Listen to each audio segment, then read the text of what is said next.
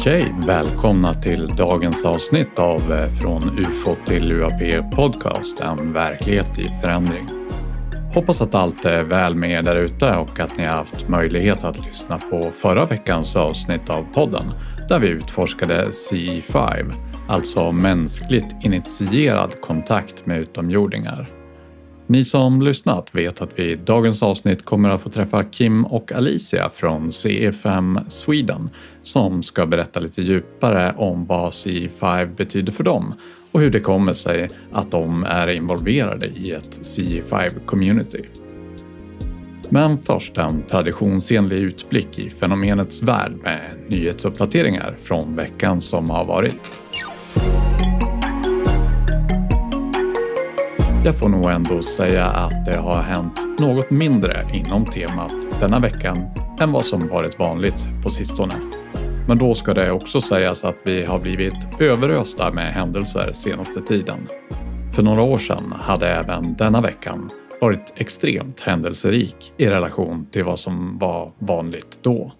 Vi har bland annat ett vittne, Eric Tabor, som har berättat att han har varit i kontakt med Aero för att berätta vad hans farbror berättade för honom på 90-talet.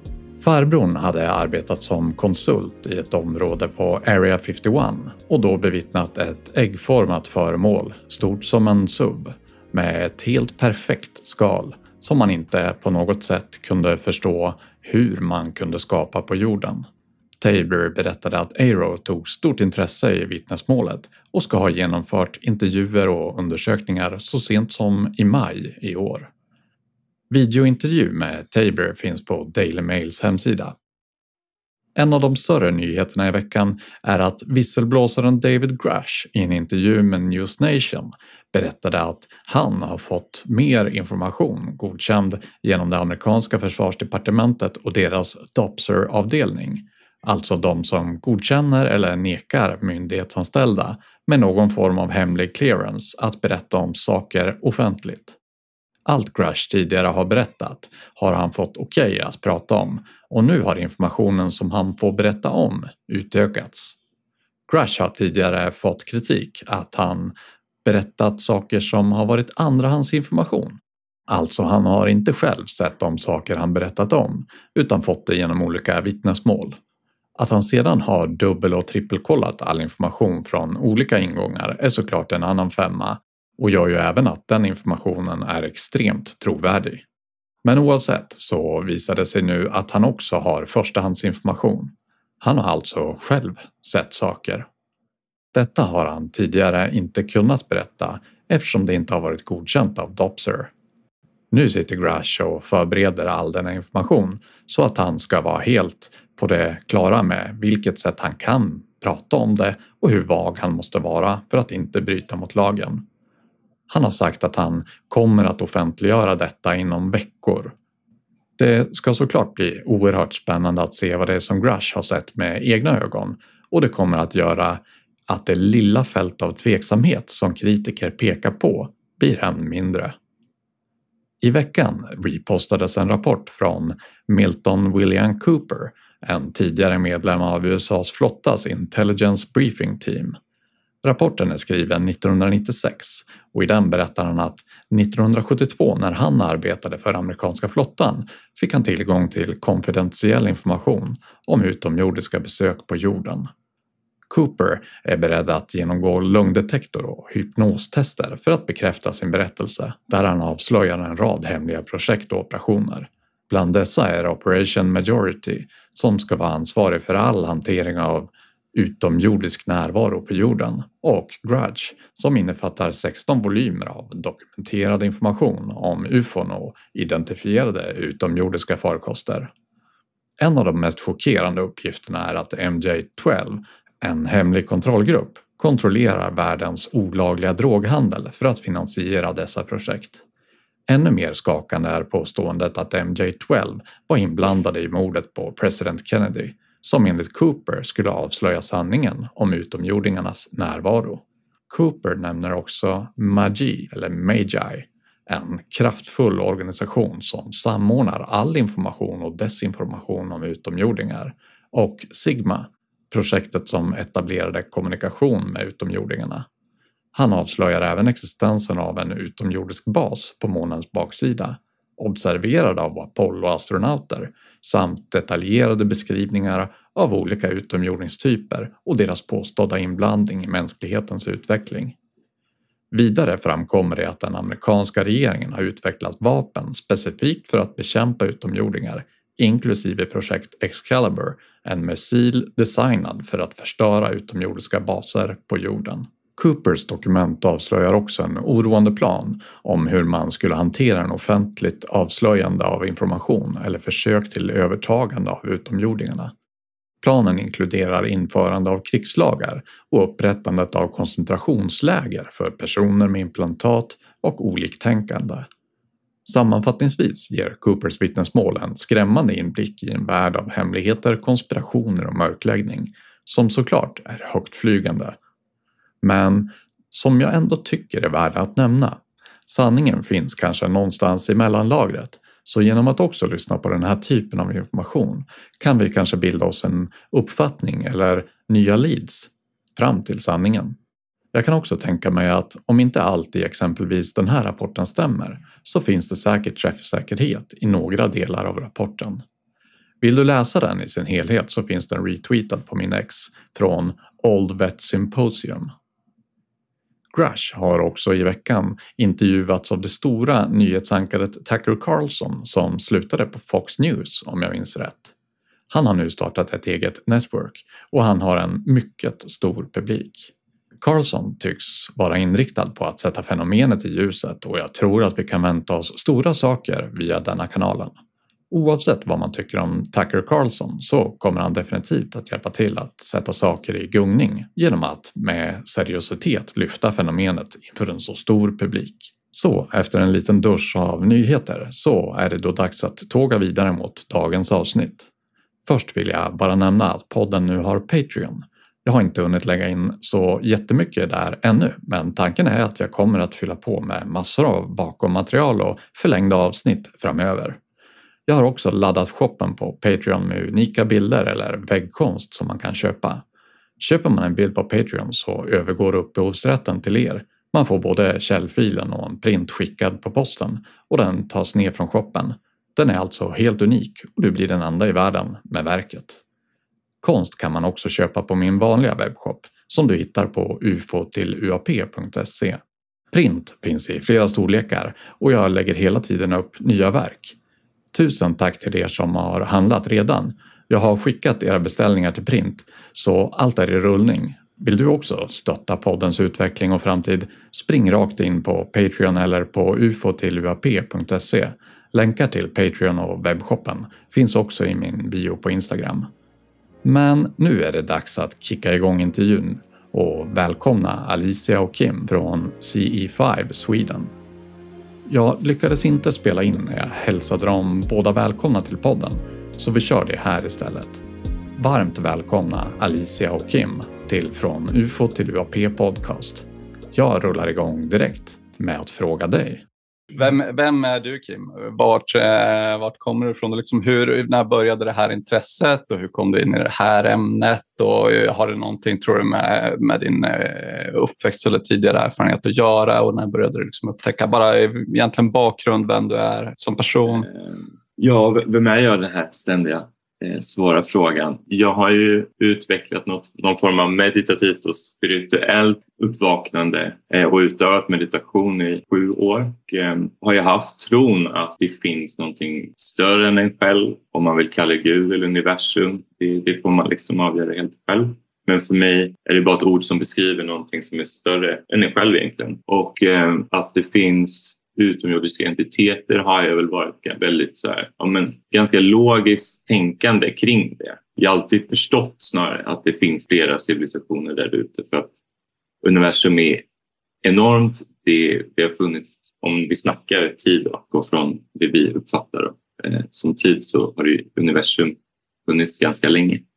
Och att det inte skulle finnas eh, avancerade livsformer än här på jorden är för mig ganska orimligt med tanke på hur många planeter och solsystem, eh, galaxer som det finns i universum. Och även det att vi hittar här på jorden väldigt många livsformer som lever i väldigt hårda, ja, så väldigt jätte, alltså hundra, flera hundragradiga eh, atmosfärer, miljöer liksom här på jorden så finns det ju säkert hur mycket som helst där ute. Så det, den, den liksom grundförståelsen har jag väl fått, haft från början. Och sen eh, har jag väl, eh, när jag kom in på C5 var egentligen att jag lyssnade på forntida astronauter. Mm. Eh, eh, just här i Sverige då. Innan har jag varit medveten om eh, C5 eh, internationellt. För okay. det har funnits i 30 år. Dr. Steven Greer som grundade C5. Men i Sverige så har jag kommit in på det genom att jag lyssnade på forntida astronauter Eh, och han drog ihop initiativ, han tog initiativet och skapade det här i Sverige för det fanns liksom inte. Och UFO, UAP, eh, utomjordingar är ganska ompratat och liksom väl etablerat i världen. Men i Sverige så är vi lite långsamma, eller har vi varit lite efter på det. Så han drog ihop det här och eh, jag var på hans föreläsning och sen Hur kommer det sig att du var på, eh, på hans föreläsning? Liksom? Jag tänker att Seget är någonstans ganska stort från att så bara ha, eh, ha gjort reflektioner om liksom det rationella i att det borde finnas fler entiteter i universum till att, till att du sitter på en föreläsning med eh, forntida astronauter, C5.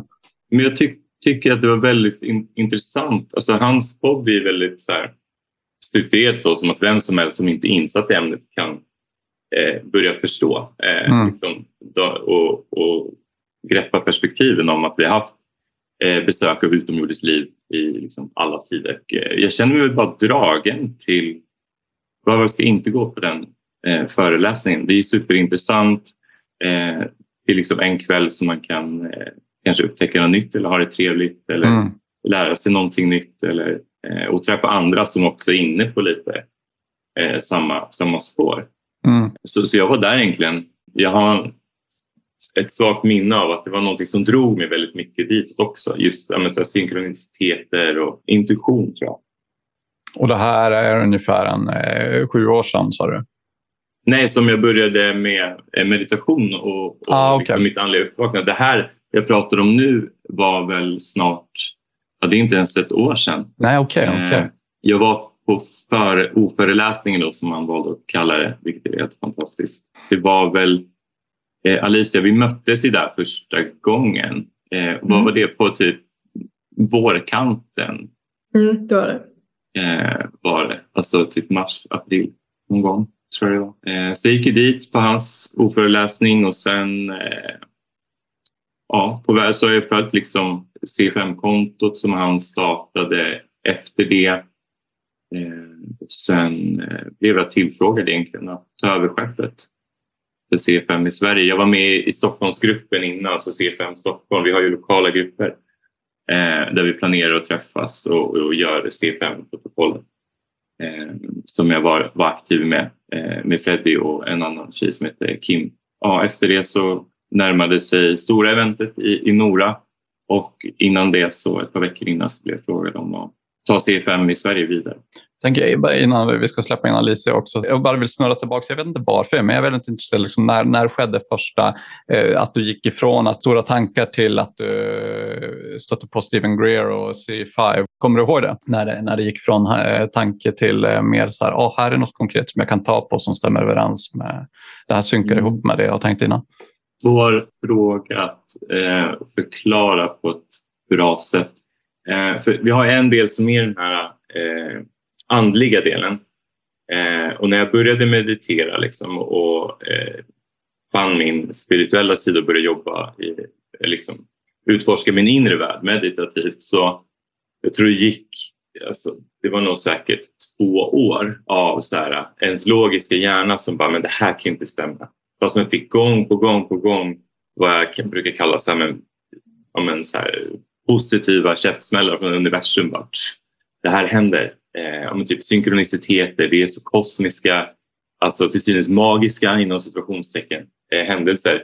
Så blev det alltså flera hundratals sådana. Så det var så mycket. Så till slut så gav min logiska hjärna upp och jag bara okej, okay, men nu, nu har jag verkligen landat i att så här, det finns, det, är liksom, det har varit så överväldigande kvitton på att det, det faktiskt finns det här eh, som man inte riktigt kan ta på på samma sätt, det här andliga där inombords och, och energimässiga. Och sen har jag väl haft någon form av... Eh, jag har sett en... När jag var yngre i, i äldre tonåren så såg jag en det var som en, en jättestor stjärna, så nu snackar vi kanske tre till fem gånger så stor som den största stjärnan på himlen om vi ska lägga proportioner i det. Som jag såg på himlen när jag var på väg och skulle till en eh, tobaksbutik på Söder med en polare.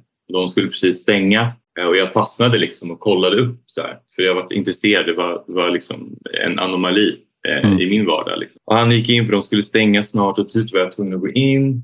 Det gick bara kanske två minuter så gick jag ut igen och så jag förklarade för min polare. De skulle titta upp, men då var den inte kvar där. Och det, var liksom, det var stjärnklart, det var inte så att några moln, moln kunde liksom ha täckt över den delen. Utan det var bara borta. Liksom.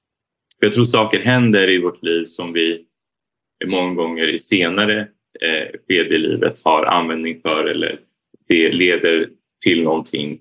Sen efterhand har jag väl förstått att det är nog en del av min acceptans i att det finns utomjordiska entiteter och sen har jag kollat mycket på dokumentärer. Jag har utforskat liksom ämnet med både C5 och med andra saker. Till exempel forntidastronater. Det är ett jättebra exempel också på att här, utforska lite mer konkreta exempel och göra, mm. sin, egen, ta, göra sin egen uppfattning om vad som eh, stämmer överens med verkligheten. Det finns så mycket som är alltså enligt mig väldigt bevisat.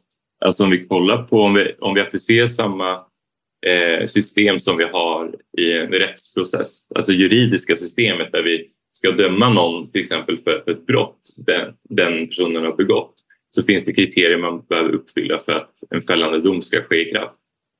Om man applicerar samma system så skulle jag faktiskt påstå att vi har väldigt mycket bevis att det eh, finns utomjordiska entiteter.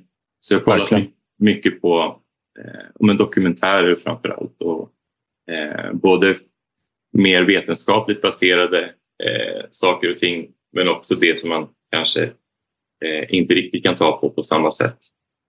Så det är en kombination av det.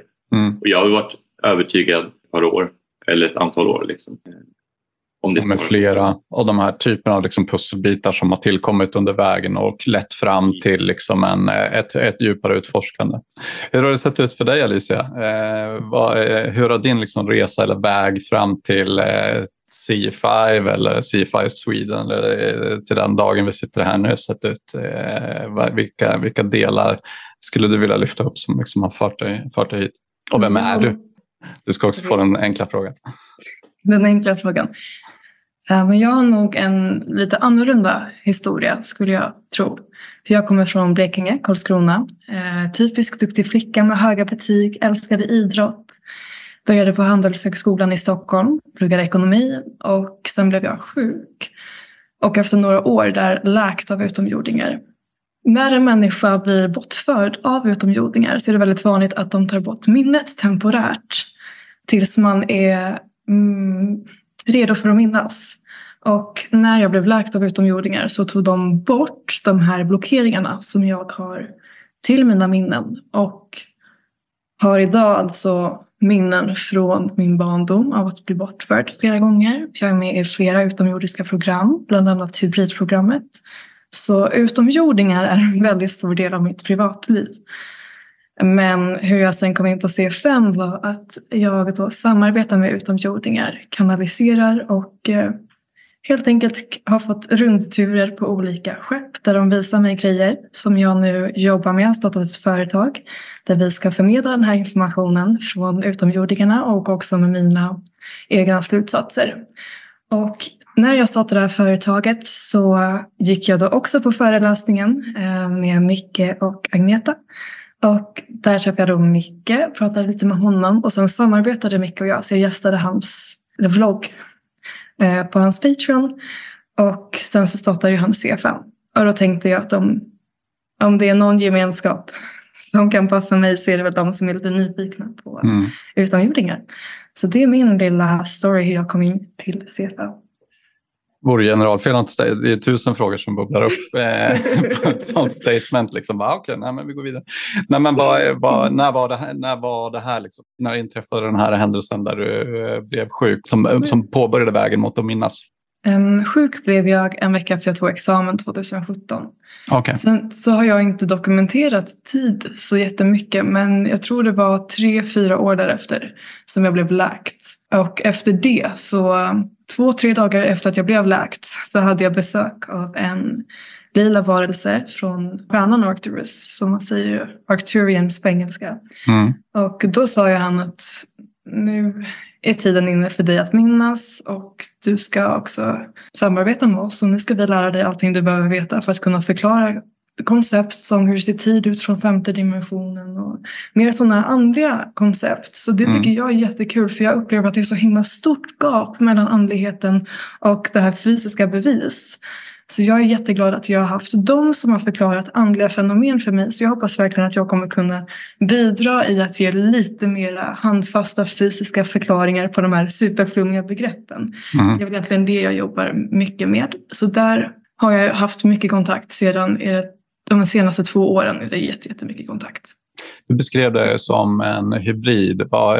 Kan du definiera på vilket sätt du menar? Alltså, när du säger så så tänker jag att, att du skulle vara en blandning då mellan en utomjording och en människa. Är det så, är det så du menar eller är det en annan typ av hybrid eller en själslig hybrid? Eller vad, eh, förklara. Så för det första så upplever jag att alla människor är hybrider. Jag tror att alla människor är hybrider av Homo erectus eller neandertalare och en blandning av utomjordingar. Sen så kan man, om man vill, ändra i de här proportionerna. Ofta när man pratar om hybridprogrammet så finns flera olika typer av hybridprogram. Jag är med i flera, det är därför jag har den här informationen. Jag vet att det finns fler raser som gör det här. Men den, det hybridprogram man brukar prata om är med utomjordingar som man kallar the greys, de är grå. Korta, i alla fall de som kommer i sovrummet och hämtar upp en. Och sen så brukar det vara lite längre uppe på skeppet, grå utomjordingar. Då är det debatterat om dessa grå varelserna är utomjordingar eller om det är en parallell version av mänskligheten i framtiden som kommer tillbaka. Men ofta när man pratar om hybridprogrammet då är det de här grå varelserna man pratar om och att de grå varelserna tar då eh, reproduktionsmaterial från människan och blandar det med sitt eget reproduktionsmaterial. Jag vet ju att en av mina föräldrar är med i det här programmet. Jag vet att flera i min släkt är med i programmet och det är inte helt ovanligt att de ändrar lite i DNA. Men för mig så är vi alla hybrider ändå. Men när du säger att du är med i programmet, är du med då som eh, donator i, i programmet? Ja, just det när, när det här skedde så fick du också minnen från, eh, från hela uppväxten så att då insåg du att du har haft den här typen av kontakter eh, hela vägen. Liksom. Ja, eller egentligen minnen har jag nog alltid haft. Jag minns ju liksom en gång när jag går ombord med en förälder på ett skepp som mm. barn. Det har jag alltid minst hela livet. Men jag, jag förstod att det var mer än en dröm. Men um, det är speciellt liksom som barn om man bara har en upplevelse av att okay, man går ombord med en förälder på ett skepp. Jag, träffade, jag mindes inte varelserna då, men det var liksom inte de här ljusskeppen med bara ljus, utan det var liksom grått med massa, massa verktyg. Alltså egentligen jätteobehaglig syn. Eh, men man sa till mig att det är tryggt. Du, du är trygg, det här kommer gå bra. Eh, så jag kände mig väldigt trygg. Så lite så som det har varit för mig är att den känslan jag hade då av den här som jag inte förstod om det var dröm eller inte. Mm. Den känslan och den förnimmelsen har jag sen nu då när jag blivit läkt av utomjordingar har mycket kontakt nu och jag vet uppenbart att det är kontakt. Nu minns jag då automatiskt flera gånger under mitt liv där jag haft exakt den känslan. Mm. Och inte bara det här är det dröm eller inte för ibland är det uppenbart och ibland så är det mer subtilt men det är en känsla en utomjordisk känsla helt enkelt som jag mm. äntligen fick förklaring till. Vad har hänt alla de där gångerna när något lustigt har hänt. Och sen så för mig så jag föredrar att minnas spontant. Det vill säga jag har inte gjort någon hypnos eller någonting. Mm. Utan jag litar på att de minnena som jag menar att minnas eh, utvecklas mer i sin takt. Jag sitter aldrig och försöker provocera fram någonting. Utan jag vill att allting ska komma till mig. För det är så också jag för mig vet att det är verkligt. För att så snabbt man får sådana minnen och händelseförlopp. Det går så snabbt så man kan inte hitta på så, så snabbt och så mycket information som när det kommer och man minns spontant. Mm. Så därför föredrar jag eh, go with the flow. Mm.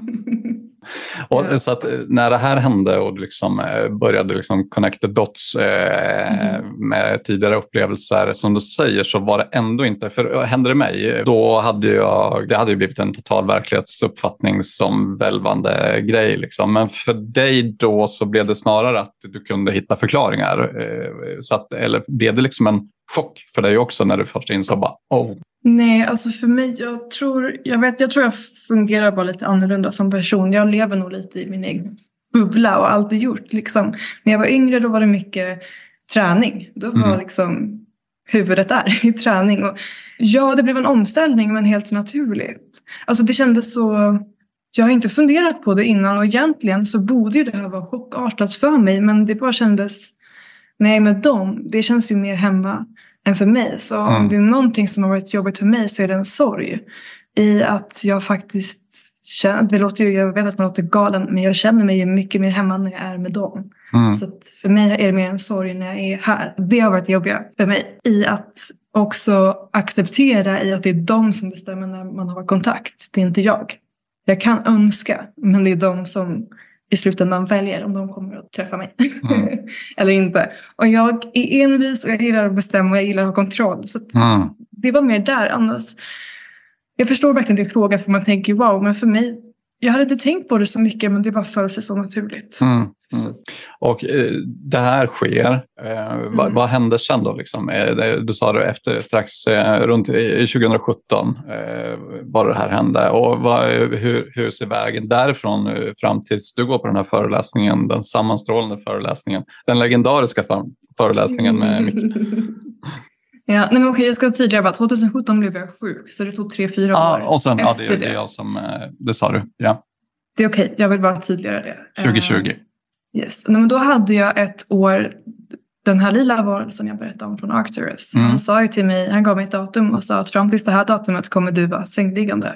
Okay. vi ska mata dig med så mycket information. Och så som de varelserna som jag samarbetar med jobbar lite är att första gången de kommer då kanske de kommer fysiskt eller de visar sig så fysiskt det bara går beroende på vilken dimension de existerar i och vad de har för teknologi. Men sen efteråt, man lär sig liksom känna igen energin av dem. Så de, de jobbar ju smart, varför ska de komma fysiskt när de kan skicka telepatiska tankar? Mm. Eh, så det var mycket, jag bara låg jag tror inte jag förstod riktigt vad som hände då. Men nu i efterhand så ser jag ju tydligt att en period så lärde de mig om tid och rum, en period lärde de mig om demoner och exorcismer, en period lärde de mig om väldigt mycket mer. Så sen är det här året i princip där jag var sängliggande för att jag tog emot så mycket information från de här varelserna. Mm. När jag kom ut sen i verkligheten, om man ska säga, och kunde börja leva ganska normalt, då det var jättekult för mig att se att gud, folk pratar om de här koncepten som mm. tid och rum. Och det blev väldigt kvitto för mig att det här har verkligen hänt. Mm. Och jag var nästan familjär med alla andliga koncept. Eh, så det var lite, samtidigt så sa de till mig att de ville inte att jag skulle kolla så jättemycket på andra människor för att de vill att eh, den informationen jag ska presentera ska vara från dem. Det ska vara en källa för information. Jag ska inte samla andras information. Så det är jag väldigt noga med. Jag försöker inte kolla på för mycket filmer och sånt. Jag vill att det ska vara mina minnen och inte något för att jag sätter på en film och sen förvänkte själv. Mm. Eh, så att, men det är, ett år var det jätteintensivt. Och sen så när jag behövde börja förverkliga det här i fysiska planet. Då började det gå från att vara mer människa till nedladdningar. Och sen det successivt. Men eh, jag lär mig varje dag fortfarande i hur jag ska brygga det och för mig så går det väldigt mycket i perioder. Att det är perioder med mycket kontakt. Sen så är det perioder där jag försöker jobba i kapp så man klarar sig som människa. Eh, men nu rullar det på och tack vare C5 så träffar man ju ännu fler liksinnade personer. Eh, men det är verkligen, ett år var det jätteintensivt och sen så nu är det lite blandat i att förverkliga de kurserna som de har visat mig bland annat. Förstod jag det rätt att det är därför liksom du har hittat eh, kopplingen med C5? Att det är ett sätt att fullgöra liksom det här uppdraget i att någonstans vara en, en länk emellan och förklara eh, koncepten? Alltså jag och Kim har förklarat, eller diskuterat det lite. För att på ett sätt, C5 det är ju verkligen allas. C5 är för alla som följer, det är ingen som äger C5-begreppet. Däremot så har ju vi märkt, typ vi hade ett gästavsnitt med Anneli och Magnus Eh, där det var en tjej som ville då berätta om en upplevelse hon haft. Och då är det ju två dagar innan vi ses med det här, då kommer ju de utomjordingarna som var del av hennes upplevelse och visar för mig vad som faktiskt hände. Och då är det lite svårt för mig där att sitta och spela dum och bara ja, nej jag vet ingenting. Så det blir lite att i C5 att jag kanske får med lite av min professionella roll eller min erfarenhet och kunskap i det. Men så som jag ville, i början ville jag träffa likasinnade människor. Och sen att jag tackade ja till att vara en del av C5 Sweden är ändå för att på mitt sätt kunna hjälpa och hålla space till så många som möjligt. För mig så känner jag att jag allra helst vill bidra med en trygg plats för mm. andra att berätta vad man går igenom. Det är vad jag allra främst personligen vill bidra med C5. Mm. Skapa en trygg plats för andra.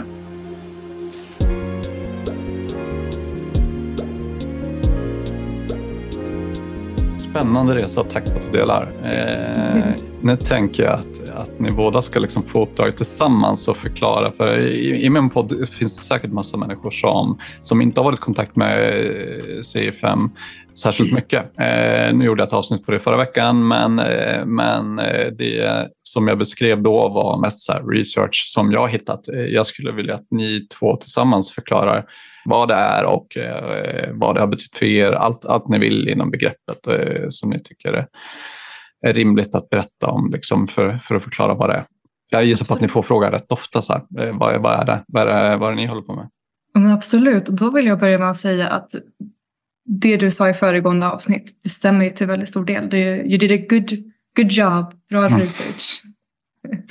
Personligen så gillar jag att säga att C5 är mänsklig initierad kontakt med utomjordingar. Alltså att det är människan som försöker få kontakt med utomjordingar. Och så säger jag att det är så som vi gör när vi ses i C5 Sweden eller de här lokala grupperna.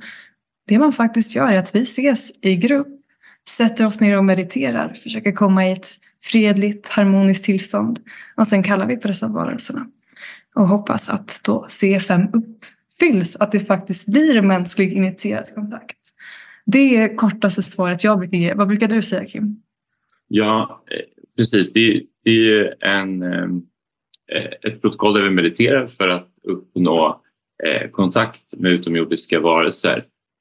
Men grunden till varför vi gör det Eh, är inte bara att vi ska bli underhållna, inte alls det överhuvudtaget, utan varför man gör C5 och vill etablera kontakt med utomjordiska entiteter är för att eh, hjälpa till att bland annat med kärlek och gemenskap lyfta vibrationerna eh, eh hos mänskligheten och eh, eh, bidra till en positiv utveckling för all, allt liv. Alltså skapa fred och kärlek både på jorden och i universum. Så eh, utomjordiska varelser blir liksom en förlängd arm i vår process att eh, upplysa människan och skapa fred och kärlek egentligen. På vilket sätt sker det under en sån här typ av session och är det fler än de som är där som blir påverkade av, eh, av det du berättar liksom om fred och kärleken? Sprids den utifrån det sammanhanget eller är det de som är där som blir eh, berörda? Eh, ja, men jag, alltså, man kan ju skapa kontakt. Ett vanligt missförstånd eh, tror jag eh, som, som jag märkt att vi har stött på är eh, jag tror att man har en bild av att eh, mänsklig initierad kontakt då med utomjordingar måste vara något fysiskt och visuellt. Då, då, har man kontakt. Men det finns ju så mycket mer eh, typer av etablerad kontakt genom våra sinnen bland annat. Eh, ibland så kan det ske skiftningar i både temperatur, det kan komma lukter, det kan komma ljud och såklart visuella kontakter på olika sätt. Inte alls lika vanligt att det är kanske en tydlig farkost eh, utan mer som eh, det vanligaste är ljusfenomen skulle jag säga vanligaste visuella typen av kontakt. Men sen också den här intuitiva känslan eh, som Alicia berättade om tidigare att man, man lär sig att känna igen olika typer av energier, olika stadier i, i vibration eller eh, in, intuitiva känslor eh, där man skapar kon kontakt. Det är ju inte alltid så att alla får samma kontakt heller. Eh, även om det är både visuellt och sen såklart i den inre världen. Så det finns olika typer av, av initierad kontakt. Eh, och sen skulle vi säga att eh, det som har genomsyrat de här lokala träffarna, minigatheringsen, stora eventet så är det just eh, den här gemenskapen, tryggheten, kärleken som vi skapar tillsammans som, som, som grupp och kollektiv. Det har väl blivit någonstans kärnan i C5 i Sverige. Eh, att kontakta utomjordingar är liksom en liten del av, av det vi gör egentligen. Det har blivit så mycket mer och jag är så glad att det liksom blivit just de aspekterna som har eh, vuxit fram i, i vår rörelse eller vår gemenskap. Man kan tydliggöra där du frågar om fred och hur det sprids. Så mm. anledningen till att vi ofta nämner fred är för att delvis så om man eh, fokuserar på fred, en inre fred i sig själv, då blir det en väldigt mycket större sannolikhet att det är just fredlig kontakt man får med fredliga varelser. Mm. Men så till din fråga i hur fred sprids vidare så är, ser jag det som att dels händer det internt hos en person. En person som kommer till C5 är, tror jag, ofta en person som funderar på de här stora frågorna med livet. Eh, och finns det liv bortanför jorden och sådana här grejer. Och när man har en C5-upplevelse, vare sig det är att man får tydlig fysisk kontakt eller inte, så blir det i kroppen väldigt skönt. Man känner ofta en bekräftelse på att man är rätt, rätt på bollen så att säga. Så att det blir en form av den här samhörigheten skänker ofta en fredlig känsla. Den ger harmoni till de som deltar. Och sen så vet vi lite om man kollar på andra typer, till exempel du gillar ju The Global Peace Meditation, heter den så Kim? Man ska lära mig hur den heter.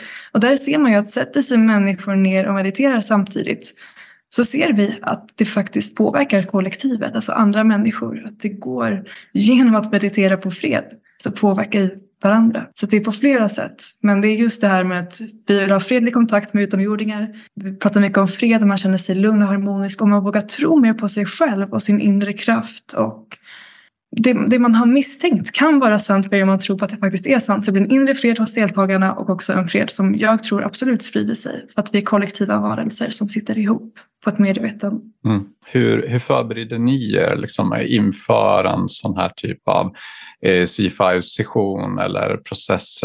Och, eh, hur, hur går den till? Va, för, för det finns ett protokoll, eh, nämner ni. Kan ni beskriva lite, så här, eh, påbörjar, börjar ni med någonting specifikt dagen innan eller kan, kan det vara små mikrosessioner där ni eh, på morgonen på en vanlig söndag? Eller är det någon skillnad i den typen av sessioner om de nu finns och när ni ses i Nora och är många? Får det någon effekt av antal protokollet? Eller? Alltså en, en ett protokoll en kväll eh, eller dag med C5 kan ju se jätteolika ut. Det, det, är helt upp till var grupp som, som ska ses att eh, bestämma vilken, eh, vilket schema eller struktur den har. Eh, och ska tillägga att man behöver inte vara i grupp heller. Man kan göra C5 helt själv också.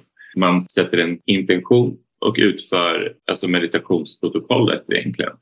Men det betyder inte att man alltid behöver sätta intentionen att eh, skapa kontakt med utomjordingar utan eh, ibland så kanske man behöver ses personen kanske i grupp för att skapa en etablerad dynamik och en energi. Men intention plus meditation är väl egentligen det som, som protokollet eh, bygger runt om. Sen finns det olika sätt att förbereda sig, både innan kanske. Eh, det beror på om ja, men hur, vilket typ av event det kanske är. Men eh, jag brukar gilla att eh, ha en så meditativ start på dagen. Att man kanske eh, sätter en intention fram tills eventet eller träffen startar. Man kanske renar eller det ser olika ut. Sen kan man tillägga olika verktyg för att komma till sinnesro eller rätt liksom meditativ state. Det är olika egentligen. Mm. Mm. Ja, men för mig är just intentionen det viktigaste. Och där kan man se lite vad som passar sig. Om man ska till exempel ses en grupp utomhus, då är det ju väldigt passande att sätta en intention att man vill se flygande tefat mm. på himlen till exempel. Medan om man vill göra CF... Gud, du satt ju nästan i halsen. C5 inomhus. Um, inomhus då är det ju kanske lite mer passande att fokusera på en telepatisk kontakt mm. till exempel. Eller att ha en inre upplevelse. Och sen så kan man också välja om intentionen är för kvällen att träna på att komma i sinnesro. Eller om det är kontakten. Eller om man själv har, man kan passa på att ställa andra frågor också individuellt. Mm. Är man en person som lever ett väldigt vanligt liv och inte är så van vid att meditera och ta det lugnt. Då kanske man behöver ganska mycket förberedelse. Mm. Medan någon som jag som jobbar med det dagligen. Jag behöver bara en intention. Det är liksom det enda som behövs. Och vi har ju satt ihop förslag eh, på olika C5-protokoll där vi rekommenderar att man alltid, alltid, alltid börjar med en tydlig intention. Mm. Och sen så tycker vi att den här meditationen som Roger Gotthardsson har spelat in, eh, som finns som ett poddavsnitt hos oss, den är väldigt, väldigt bra. Så det är nästan det kortaste C5-protokollet man kan göra. Det är en intention och sen den meditationen som man kan få väldigt fina resultat av. Men sen så kan man också gå in och kolla på C5 Contact-appen och där finns fler ljud eh, och lite andra spännande grejer som man kan använda sig av. Så man kan verkligen göra C5 olika sätt. Jag tror att det är viktigt att alla provar sig fram till vad som passar dem. Mm. Gillar man att göra det själv, gillar man att göra det i grupp. Det passar, olika verktyg passar olika, olika bra också. Så man får mm. prova sig fram lite. Mm. Mm. När ni träffar folk som inte är insatta i det här eller utanför det här ämnet eh, och berättar. Vi kör ju den här organisationen C5 Sverige och så kör du den, eh, det introt Alicia som du berättade förut, så här, vad det är för någonting. Vad, vad, är, de, eh, vad är de vanligaste missuppfattningarna? Liksom, vad brukar folk eh, först studsa på? För, för det gör ju folk inom det här ämnet, både C5 och UAP-fenomenet i stort. Liksom. Det, det studsas ju lätt. Liksom. Vad stöter ni på? Jag tror jag möter generellt sett väldigt i alla fall respektfulla människor. Jag mm. brukar säga att för mig spelar det ingen roll vad man tror, bara alla visar respekt mot varandra. Så jag är mm. väldigt tacksam eh, för det, att alla visar väldigt tydlig respekt. Från mitt perspektiv, det har inte vi diskuterat Kim, men jag ser det verkligen som att det största motståndet tror jag är att alla är så uppe i sina egna liv. Mm. Vi lever i ett samhälle där det är ont om tid att hinna gå till jobbet 8 till 5. Sen ska man hämta barnen och laga mat. Så jag tror att det största motståndet egentligen är att folk kanske inte har hunnit reflektera över det här. Mm. De har inte haft tid att ens tänka på varken meditation eller utomjordingar. Så det kan ju bli att folk säger oj, det där ligger så långt utanför deras egen vardag. Mm. Men utöver det, det är nästan det jag ser. Men jag tycker folk är väldigt nyfikna ändå av de jag möter. Ja, men så är det ju. Jag, jag håller med dig Alicia. Alltså, jag jobbar ju eh, på skola, eh, så det är ett ganska bra exempel, tänker jag. Eleverna frågar liksom, vad, vad jag gör eh, mm. annars. Liksom, och då, då har jag berättat att jag eh, driver en podcast med en kompis. Det handlar om att vi mediterar och kontaktar aliens. Och de, ah, Okej, okay. så har vi pratat om om en typ både existentiella frågor, liksom livet och efterlivet, men också utomjordingar. Och det, det är väldigt blandat. Men jag tror att alla är någonstans väldigt här, öppna för att liksom, diskutera runt omkring det. Resonerar jag också med det du säger Alicia, att så här, jag tycker att alla man har pratat med har visat sig stor respekt och, och eh, ödmjukhet till varandra. Sen spelar det faktiskt ingen roll om vart man står i frågan. Det är bara intressant att diskutera. Eh, jag hade en elev som, som sa, hade liksom samma typ av eh, kalkyltänk som jag hade när jag var yngre. Att, men, vi kan ju inte vara ensamma, det vore jättekonstigt. Det finns liksom miljarder massa olika planeter. Ska vi vara de enda? Nej, det, det stämmer ju inte. Vart är de eller hur, eh, hur ser de ut? Så här, det, ja, det, det, var inte så, så tydligt på den grejen, men det var tydligt att det är klart att det finns något mer. Sen är det några som också ställer sig så här, men nej, det finns inte. Men det som jag har reagerat mest på, och nu snackar jag inte eh, i relation till elever längre utan så allmänt, när jag pratar om utomjordingar, är att ibland så får man en reaktion när man pratar om aliens, att de blir så rädda. Det tror jag är det mest, mest missuppfattade konceptet av utomjordingar, är att eh, generalisera att de då skulle vara onda. Mm. Eh, jag tror att en jätte, jätte, jättestark majoritet av alla utomjordiska entiteter är eh, goda. Jag anser att filmindustrin har förstört hela uppfattningen om aliens. Det är tusentals filmer om utomjordiska varelser som ska utplåna mänskligheten. Jag anser att så långt från sanningen kan man inte komma mm. eh, på det sättet. Sen finns det såklart entiteter som kanske inte har alltid så 100% goda agendor. Men i, i det stora hela så, så är utomjordingar, utomjordiska varelser och civilisationer någonting som är positivt. Det är användbart, det är bra och vi kan lära oss av dem. Så det skulle jag säga är en väldigt vanlig missuppfattning om eh, aliens.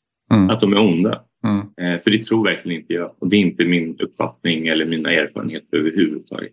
Ja, men precis, jag kan tänka mig att det är mycket kopplat till eh, all typ av evolution som vi ser på vår egen planet också. Så, så kan man ju säga, om man tittar på djur exempelvis, eh, förutom män, ja, eller inklusive människan, så kanske det har varit ganska fördelaktigt att vara, vad ska man kalla det, aggressiv, i sitt, eh, att vara försvarande eller vara, vara ganska eh, framåt i, i sitt sätt att vara. Jag tänker att det finns ganska många djur som lever på grund av att de eh, livnär sig på andra djur eh, Eh, och liknande, att de skördar mer, liksom, eh, fast i balans med naturen och eh, för att annars så kraschar allting. Liksom. Så att, eh, nej visst, eh, men eh, jag bara fick den tanken när du pratade om det, att för varje godhet och ondhet liksom, eh, i, i det stora hela och i ett universum blir det ju en ännu större fråga där man har helt andra typer av referenser att söka sig till. Men det är ju en intressant vinkel och jag blev väldigt glad och lugn och höra,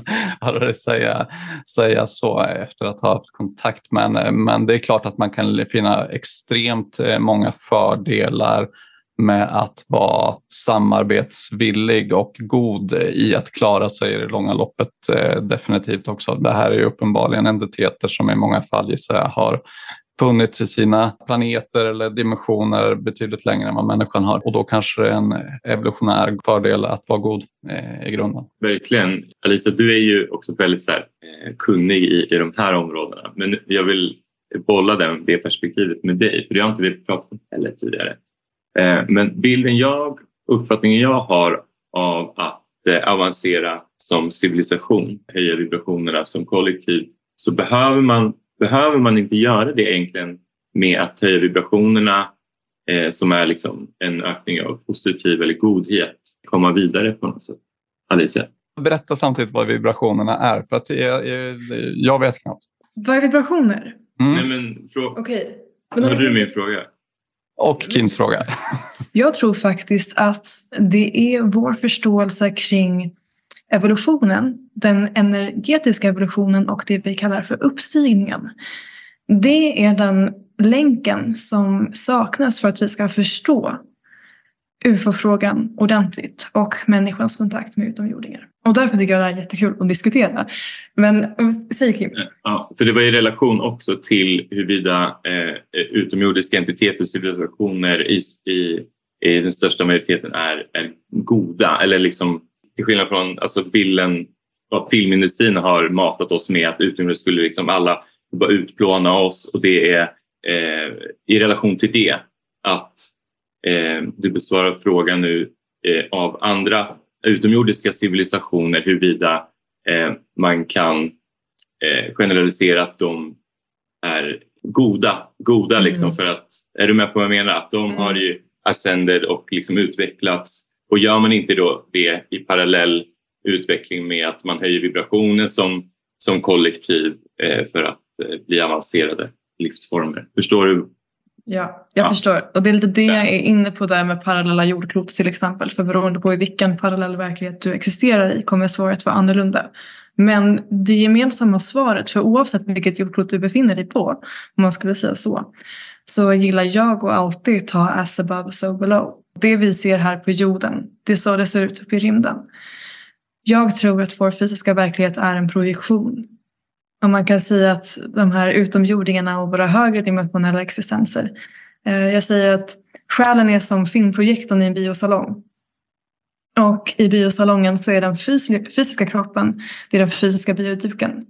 Däremellan, mellan den fysiska bioduken och filmprojektorn, som i det här fallet är själen, har vi en ljusstrimma. Och där har vi alla dimensioner. Så att vi är en projektion av vad som finns i högre dimensioner. Men det är en magisk projektion som ändras från vår insida, från kärnan i det fysiska. Så när vi ändrar vårt sinnestillstånd så påverkar vi hela projektionen. Sen kan man diskutera om det då är ett jordklot, att vi förändrar jordklotet. Eller om det är beroende på vilken frekvens vi har som vi kommer att skifta till olika jordklot. Men oavsett så gillar jag att säga as above so below. Och jag gillar överhuvudtaget bara att säga till folk som är lite oroliga över det här är att men känner inte du inom dig att du ska leva ett helt liv här på jorden? Känner inte du att det kommer bli bra? Känner inte du dig så här arg på att jorden ser ut så här för att du vet att det kan bli bra? Du vet att vi kan ha en jord som ser fin ut. Tror du att du är här för att bara uppleva misery? Nej, det kommer, jag tror att alla känner det verkligen inom sig att det kan bli bra. Bara det att vi har den här rädsleprogrammeringen från samhället. Och rädsla är väldigt obehagligt. Och det är just så jag brukar gilla att förklara frekvenser. Det är genom känslor. Så om man är kär, då bubblar det i kroppen. Det är en frekvens. Om man är arg, då är det lite mer rivigt i kroppen. Då känns det på ett annat sätt. Är man ledsen eller deprimerad, då känner man sig tung. Då är det en tung frekvens. Då är densiteten hög. Och är man lycklig, då känner man sig lätt. Så, så är man frekvenserna och jag skulle säga att vi blir lättare och lättare och lättare. Att man fastnar inte i den här tyngden längre. Om det är, vad vill ni ha? Är det nödvändigt med lätta frekvenser eller liksom godhjärtade, om man säger de optimistiska frekvenserna för att eh, prevail, att liksom eh, komma långt i en civilisation? Nej, komma långt kan man göra. Om, alltså det finns ju civilisationer som har som mål att förstöra allting och de kan komma jättelångt med det till en mm. viss grad. Sen så är det tills de kommer till eh, civilisationer som inte godkänner det, som vill strida det. Och, men liksom relevant för oss ändå är om man kollar på i C5 till exempel, de varelserna man vill ha kontakt med. Eh, jag tror att inom andligheten pratar man jättemycket om attraktionslagen och det är typ där jag känner att det kan vara relevant att gå in för då tänker vi att oh, vi kommer bara få kontakt med snälla varelser om vi har en snäll frekvens mm. eh, till exempel. Och jag brukar säga att det är inte alltid din frekvens som spelar roll utan det är din intention. Mm. För att om du vill väl då kommer det komma varelser som vill väl. Men känner du att du är besatt av att hitta bevis och nu ska det komma, då kommer det komma varelser som är och det kanske inte är så trevligt. Så här, hade utomjordingar velat utplåna jorden då hade den varit uppblåst för länge sedan. Ja. Så det är ju några som skyddar oss. I vår galax finns det federationer och olika förbund som försöker upprätthålla fred och försöker få bort eh, onda varelser för att just nu har vår galax kommit till en punkt där de tycker att det inte har här att göra längre. Ondskan ska bort. Sen behöver vi mörker och kontrast för att fortfarande utvecklas. Så man ska inte vara rädd för mörker, men just den här ondskan och att vilja väl, mm. det ska bort. Och det har vi absolut hjälp ifrån rymden. 100 procent.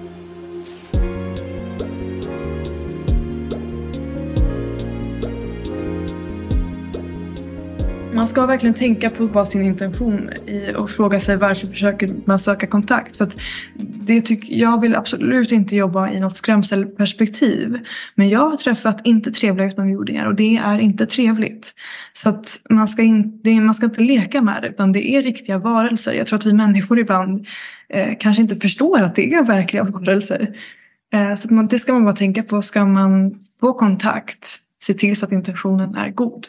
Mm alla människor på, på jorden har väl någon form av så här, man vill ju leva i en bra, positiv och härlig värld. Eh, vårt samhälle eh, kollektivt och, och eh, globalt är kanske inte direkt så optimalt i just nu. Eh, så att jag tror att om man bara börjar utforska först och främst där, eh, ja, sig själv, sin inre värld. Vad vill jag? Hur vill jag ha det? Eh, och börja liksom reflektera, öppna upp för, för reflektion inåt och därefter liksom bygga vidare på att kanske komma i kontakt med, med, med sin inre värld. För jag tror att alla människor liksom vill ju väl. Alla vill ha det bra. Det är ingen som vill skapa osämja eh, och ingen annan som vill liksom bråka och, och göra, göra någon annan illa. Jag tror att det mer är yttre faktorer som, som påverkar ens eh, sätt att agera. Om vi börjar utforska och bli medvetna om oss själva lite mer. Eh, för det är så lätt i det här samhället, det är strukturerat utåt hela tiden. Vi tar in information från tusen olika eh, håll hela tiden, varje dag. Så vi har glömt bort någonstans att vår inre värld, för att allt är strukturerat utåt hela tiden. Så eh, när man börjar då titta inåt och mediterar kanske och, och börjar lära känna eh, en del av en, en själv som eh, kanske har varit lite på mer distans eh, så börjar det hända väldigt så fina och positiva saker. Det, det, skriver folk varje vecka om saker och ting där eh, någon har varit med om någonting som har lett till någon form av typ uppvaknande eller nyfikenhet inom både UAP-världen men också det andliga som drar de här personerna till just då eh, vårat konto till exempel. Jag skrev med en mm. person senast igår som hörde av sig kring det här. Vi behöver titta inåt först och främst och sen vara öppna. Alltså utforska din egen sanning, din verklighet eh, och våga utforska. Eh, meditera, eh, sök på en lokal C5-grupp om det är C5 som du är intresserad av att utforska mer Ehm, och bilda dig en egen uppfattning.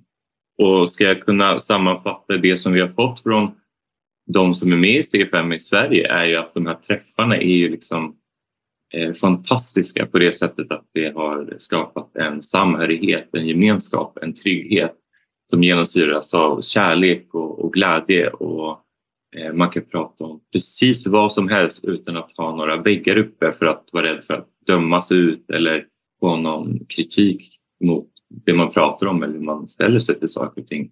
Det betyder inte att vi håller med om allting vi pratar om. Men det är en gemenskap där man faktiskt får vara sig själv och eh, eh, prata högt om saker och ting som man kanske inte annars vågar göra i den, i den vardagliga gemenskapen om jag säger så. Mm. Eh, så det är väldigt mycket det som har vuxit fram i, i C5 i Sverige. Och det är jag väldigt glad över för att jag tror att vi behöver det i vårt samhälle. Att ha en, trygg, en trygg gemenskap där vi kan prata om sådana här saker.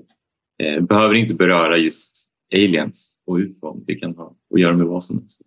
Ja, nej, jag, jag, var inne och snurrade lite, eh, jag minns inte om det var i förra avsnittet, men, men jag har varit inne och eh, klurat lite kring så här, mänsklig potential. Det finns ju väldigt många eh, källor från programmen och från eh, Pentagon i stort. Bland annat då, tror jag nämnde förra avsnittet Lou Elizondo som pratar om den mänskliga potentialen, den mentala potentialen som mm. människan har och eh, som kanske bortglömd eller outforskad. Eh, att det finns en enorm potential eh, som eh, sträcker sig långt över det vi fysiskt kan eh, åstadkomma. Hur, eh, hur känns, vad, vad, tänker ni om en sån eh, tankestart, Alicia? Jag håller absolut med. Och det kan man jag höra. Det. Men det kan man höra av sådana som jag som det är inte ovanligt att eh, man blir uppförd som barn på skepp och att de lär dig telepati till exempel. Att mm. de lär dig flytta saker med tankens kraft. Mm. Och sen så är ju det så att vi människor tycker att allt som är nytt är främmande och läskigt. Och då blir det lätt att det här är knasbollar. Men jag tror nu att just nu närmar vi oss en väldigt intressant tidsperiod där allt fler lär sig de här coola grejerna. Mm. Så liksom när man börjar se folk som knycklar ihop metallburkar med tankekraft. Det kommer inte vara så mycket av en diskussion längre. Mm.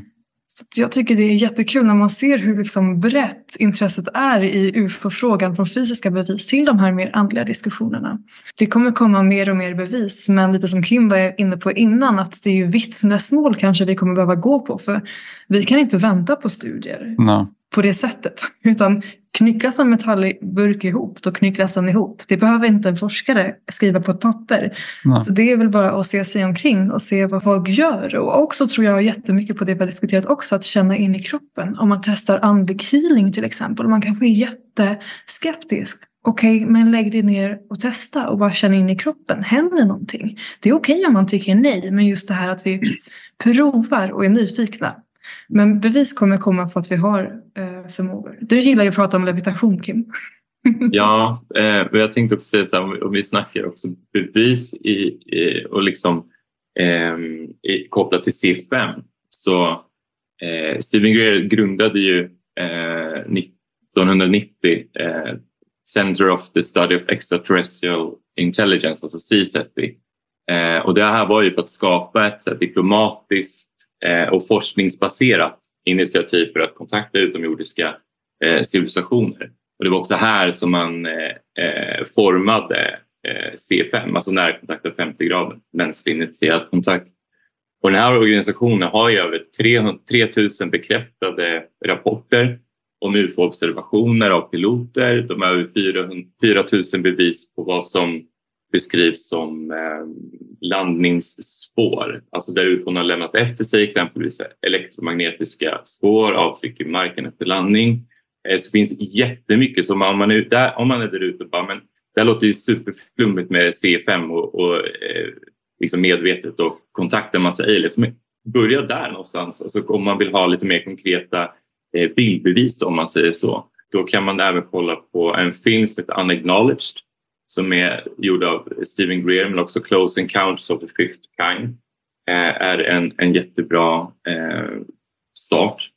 Eh, och vill man eh, gå ifrån Stephen Greer så finns det också, om man är inne på det här forsknings, mer vetenskapliga eh, eh spektrat så det, finns en ganska ny dokumentärfilm som heter A Tear in the Sky där William Shatner, eh, Mikio Kaku eh, är med. Han är en teoretisk fysiker. Travis Taylor är med, en vetenskapsman, ingenjör och författare. Så det är ett team av eh, före detta militär personal och forskare som använder specialiserad taktik och teknik för att fånga och triangulera rymdanomalier runt om eh, ett ställe utanför en kust vid Catalina i södra Kalifornien. Det är en superspännande och jättebra dokumentär. Och sen vill jag också såklart nämna eh, Greg Braden. Eh, och för att nämna bara en dokumentärserie som, som han gjort som, som heter Missing Links så är det, det ett varmt tips också för mig eh, till de som lyssnar eller tittar på det här att utforska. För i den eh, dokumentärserien så utforskar han de djupa ja, sanningarna om vårt ursprung, vår historia och människans potential. Han pratar bland annat om heart brain coherence, vilket är en frekvens man kommer in i eh, där man låter hjärnan och hjärtat eh, resonera med varandra. Och det här skapar eh, utrymme för, eh, om en, eh, ni gillar inte att kalla det superhuman eh, abilities för att det är inte eh, superhuman. För att det är egentligen en del av våran eh, eh, natur. Det är bara det att vi har eh, glömt bort vad vi faktiskt kan. Liksom. Jag gillar att säga att det är våra supernatural abilities. Mm. Supernaturligt. Ja, super. mm. Mycket bra.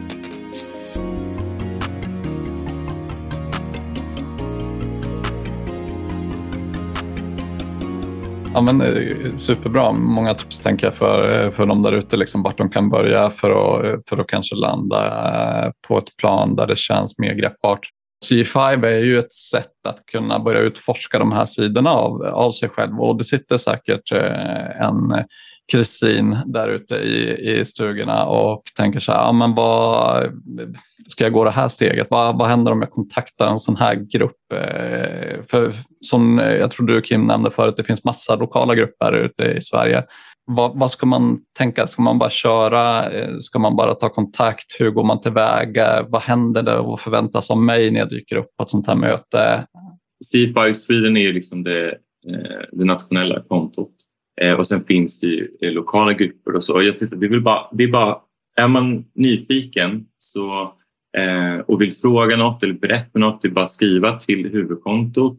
Man kan också söka på lokala grupper eh, och då söker man på C5 följt av ort, eh, stad där man bor. Och det är upp till vem som helst att starta lokal grupp. Och det här gör man, de här lokala grupperna finns för att det ska finnas en möjlighet att kunna träffas inom det, eh, den här gemenskapen mm. där man bor och inte behöva vänta på kanske det årliga stora eventet till exempel. Mm. Eh, och förväntningar, det finns inga förväntningar på, på vad någon ska göra eller så. Det, det är väldigt så här, fritt. Det är, bara, det är bara en väldigt härlig gemenskap. Och, eh, vill man veta, veta mer så kan man alltid höra av sig till, till CFI Sweden-kontot. Eh, och vi, vi har ju sagt att vi bjuder jättegärna in eh, folk om de vill bara bolla om de har kanske varit med om något eller något eventuellt. De kanske inte vet, de kanske har frågor om kan det här vara någonting? Eh, vill man vara med och prata om det i podden så får man jättegärna eh, vara med. Man kan också vara anonym. De kan ställa frågor som vi, vi kan ta upp i podcasten. Det finns liksom inga gränser för eh, hur man kan utforska eller ta kontakt utan det, det är fritt och det finns liksom ingen som dömer eller kritiserar varken någon fråga, deltagande eller någonting. Mm. Något jag tycker är värt att nämna är att det är inte liksom bara galna foliehattar det här utan det är helt vanliga människor. Mm. Ja, vissa är lite mer kreativa och flummiga och vissa är lite mer logiskt lagda.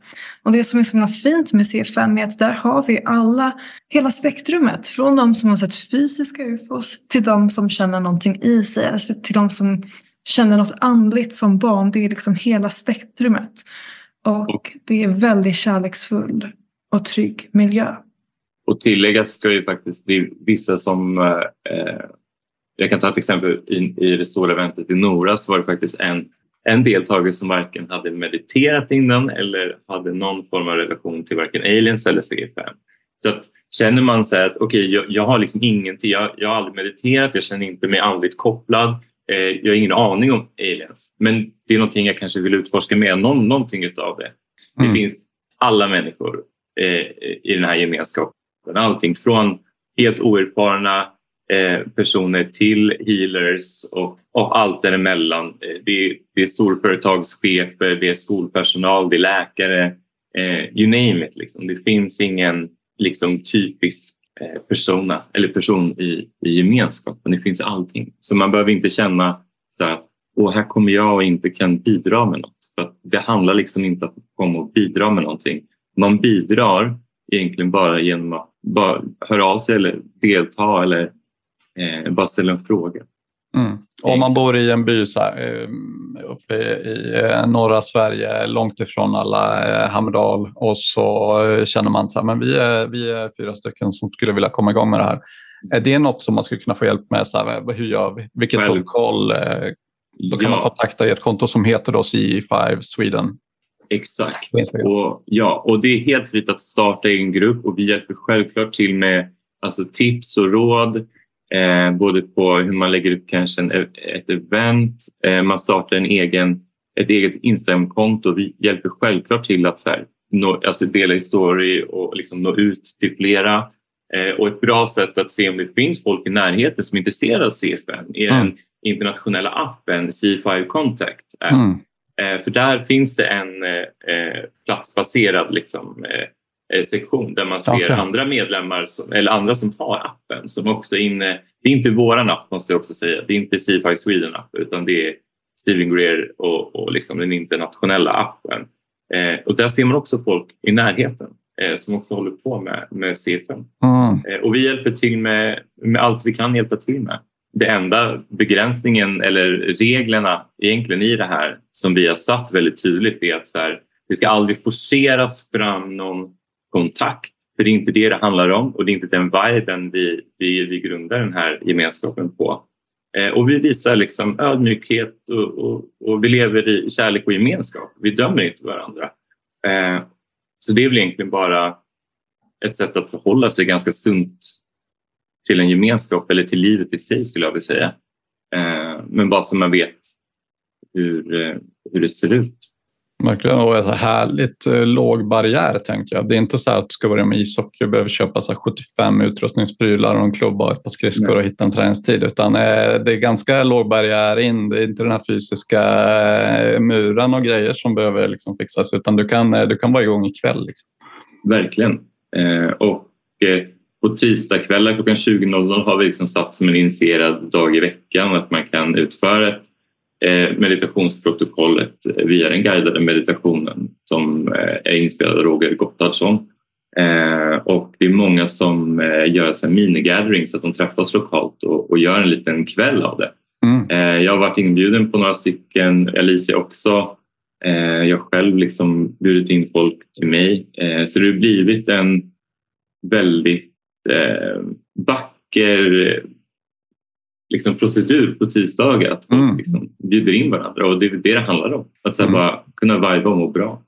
Ja, och det, det jag tänker som vi inte har nämnt innan kanske som man märker ändå händer nu när vi har kört det här ett tag är att det är ju en utforskande organisation. Det är ju liksom inte så här är det, så här måste det vara, ni måste tycka så här för att vara med här. Utan sitter man där på en liten minigathering, det är alla sitter ju där och utforskar också. Så även om man är mm. ny, det är redan utforskande som det är. Och mm. väldigt öppet och kärleksfullt.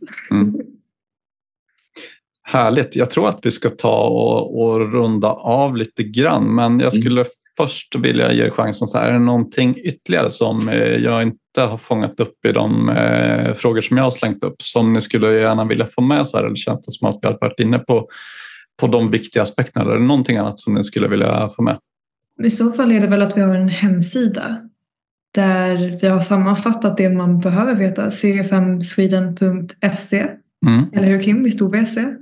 Yes, och där, ja. där har vi eh, både information vad C5 är men också förklaring vad närkontakt av första, andra, tredje, fjärde graden är också. Mm. Ja, och så har vi en lista på de här mindre grupperna i Sverige som finns så får man det överskådligt. Okay. Och sen bara skriv till oss på Instagram. CFM mm. Sweden. And we will help you. Så bra, gott vi bara kan. Mm. Ja, men det är toppen. Vi, eh, jag tänker att jag lägger in det i era länkar i min eh, bio och eh, under avsnittsbeskrivningen också så att man hittar.